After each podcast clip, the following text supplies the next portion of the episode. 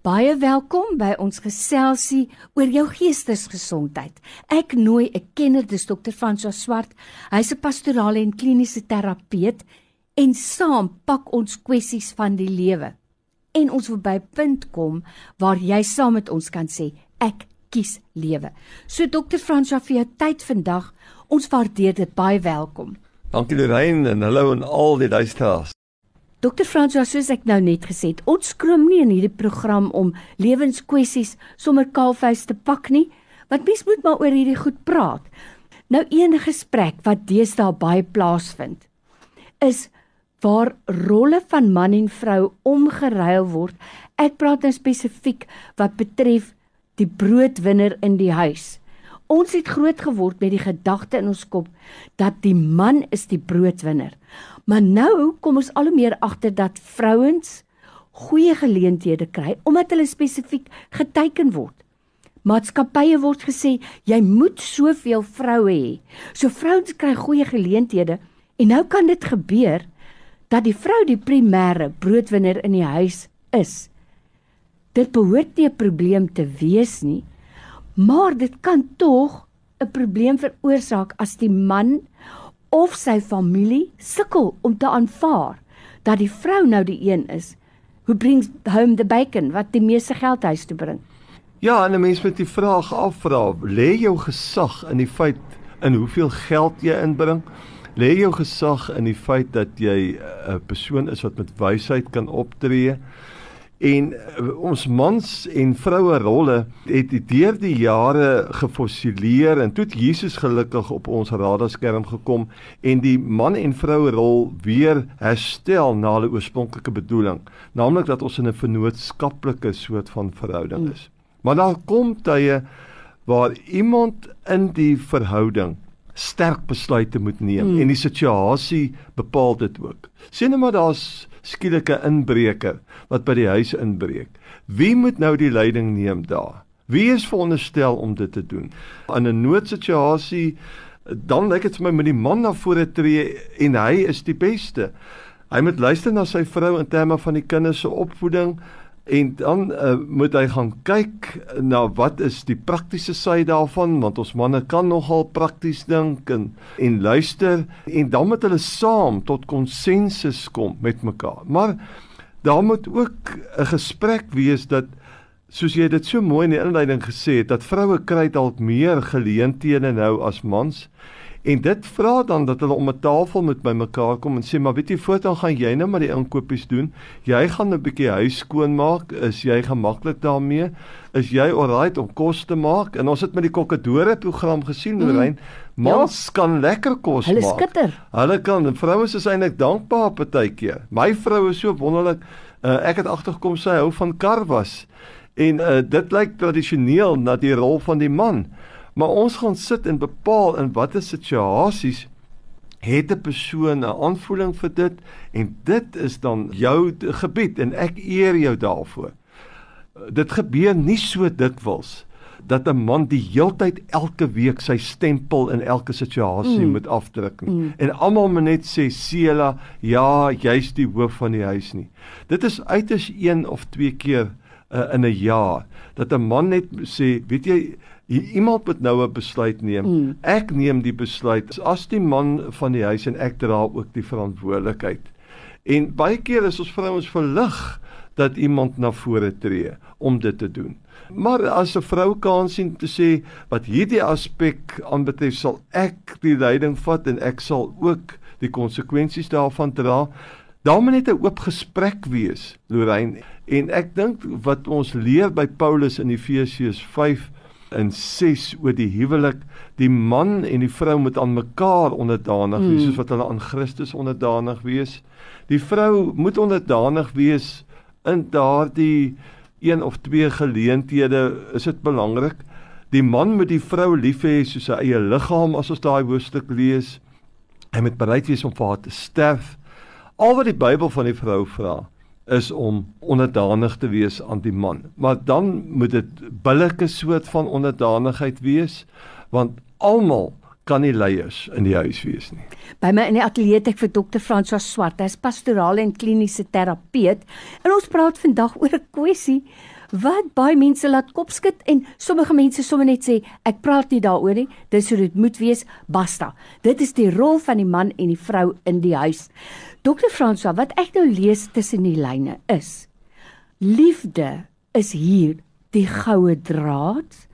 Gesprek moet plaasvind, konsensus moet bereik word en dan wanneer die hoof van die huis 'n besluit moet maak, moet hy ook die verantwoordelikheid vir daardie besluit neem. So dit lyk vir my dit kom daarop neer dat ons opsien ook dat die hoof van die huis as die beskermer op verskeie vlakke. Nou, ek het jare gelede 'n skoolhoof geken en dit was vir my altyd eienaardig om sy vrou te sien gras sny. In een middag staan ons juis en gesels en sy vrou sny gras en ek kyk vir haar en hy sê vir my moenie eers vra nie. Hy sê my vrou is 'n absolute perfeksionis ek sal dit nie waag om aan haar grasperk te raak nie. En hy het net gesê sy doen dit perfek en ek kan dit nie so doen nie. So sy het gekies om dit te doen. Maar daar was gesprek daar was konsensus en dit het in liefde gebeur. So ek sê altyd ons moet by ons kleintjies begin Hoe leer ons vir hulle dat omdat 'n vrou 'n ander rol het partykeer of omdat tyd verander het, beteken dit nie noodwendig dat ons die rol van die man as hoof van die huis wil verwater of wegneem nie. Dis 'n baie belangrike proses wat van kleintyd af moet gebeur. Pappas moet met hulle seentjies praat op 'n sekere manier uh dogters speel met poppe, die die seentjies het 'n bepaalde manier van stoei en met karretjies en balskop. As mamma swaar pakkies dra omdat mans oor die algemeen sterker is, dan bied hulle aan, kan ek vir mamma help dra? Kan ek sussie vir jou help?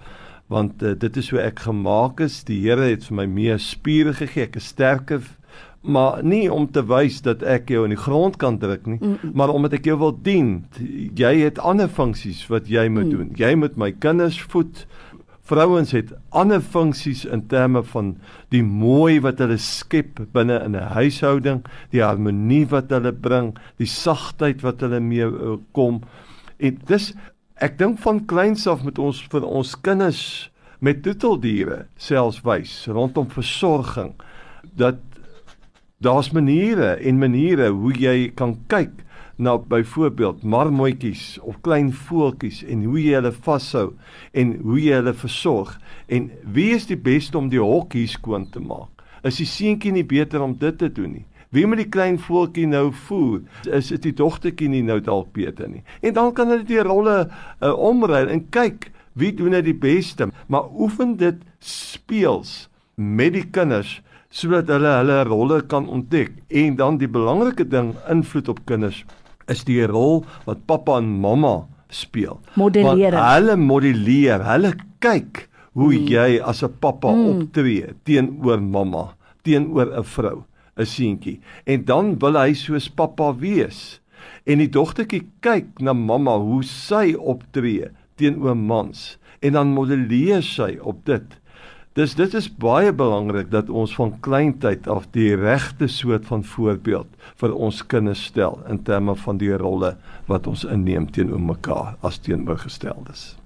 Dis vir my so mooi dokter Frans, so ek dink byvoorbeeld aan die ou klein seentjies wat sê as hulle nou bietjie rof is met mamma dan sê mamma, "Ag, uh, uh, uh, jy kan nie so maak nie, want dogtertjies dan sê hulle is van glas gemaak. Seentjies is van klip gemaak. Jy weet so hulle word dit ook al by die skool geleer wat vir my mooi is. En dit beteken die een is minder waardig as 'n ander een nie. Die Here het 'n man net toegerus met meer krag miskien en sterkte, maar dit is 'n vennootskap in liefde. Ek hou daarvan. Dit maak vir my so baie sin en dan soos dokter Frans sou altyd sê, modelleer dit. Dat kinders dit kinders leer deur voorbeeld meer as deur wat ons sê, nê? Nee. Ja, ek dink so. En kom ons hou dit lig dat ons die humor sal bou. Mm. Dat ons ligvoets oor hierdie goeie sal praat en altyd die deur sal oophou. Hoe kan ons rolle verander? Hoe kan ek beter moduleer? Hoe kan ek dit vir jou beter maak? Dit is tog die dienende gestalte wat Jesus vir ons kom leer het. Hoe kan ek vir jou my vrou 'n beter man wees? Dat 'n mens regtig 'n volwasse houding aanslaan en nie altyd bedreig voel nie. En en hierdie roeping wat Jesus ons mee geroep het om vir mekaar daar te wees, uh, altyd daaraan te werk. Wat 'n heerlike gesprek weer. Onthou as jy 'n vraag het, stuur dit vir my met 'n SMS of 'n WhatsApp begin met die woorde kies lewe. Ek deel dit met Dr. Franso aan by geleentheid. Gaan ons ook oor jou vraag gesels. Dr. Franso vir jou insig, jou wysheid, jou bereidheid om met ons te praat vandag ten spyte van 'n baie besige program. Weet net altyd ons waardeer dit. Dankie. Dankie Lorraine, dis regtig baie lekker om hier saam met julle te kuier.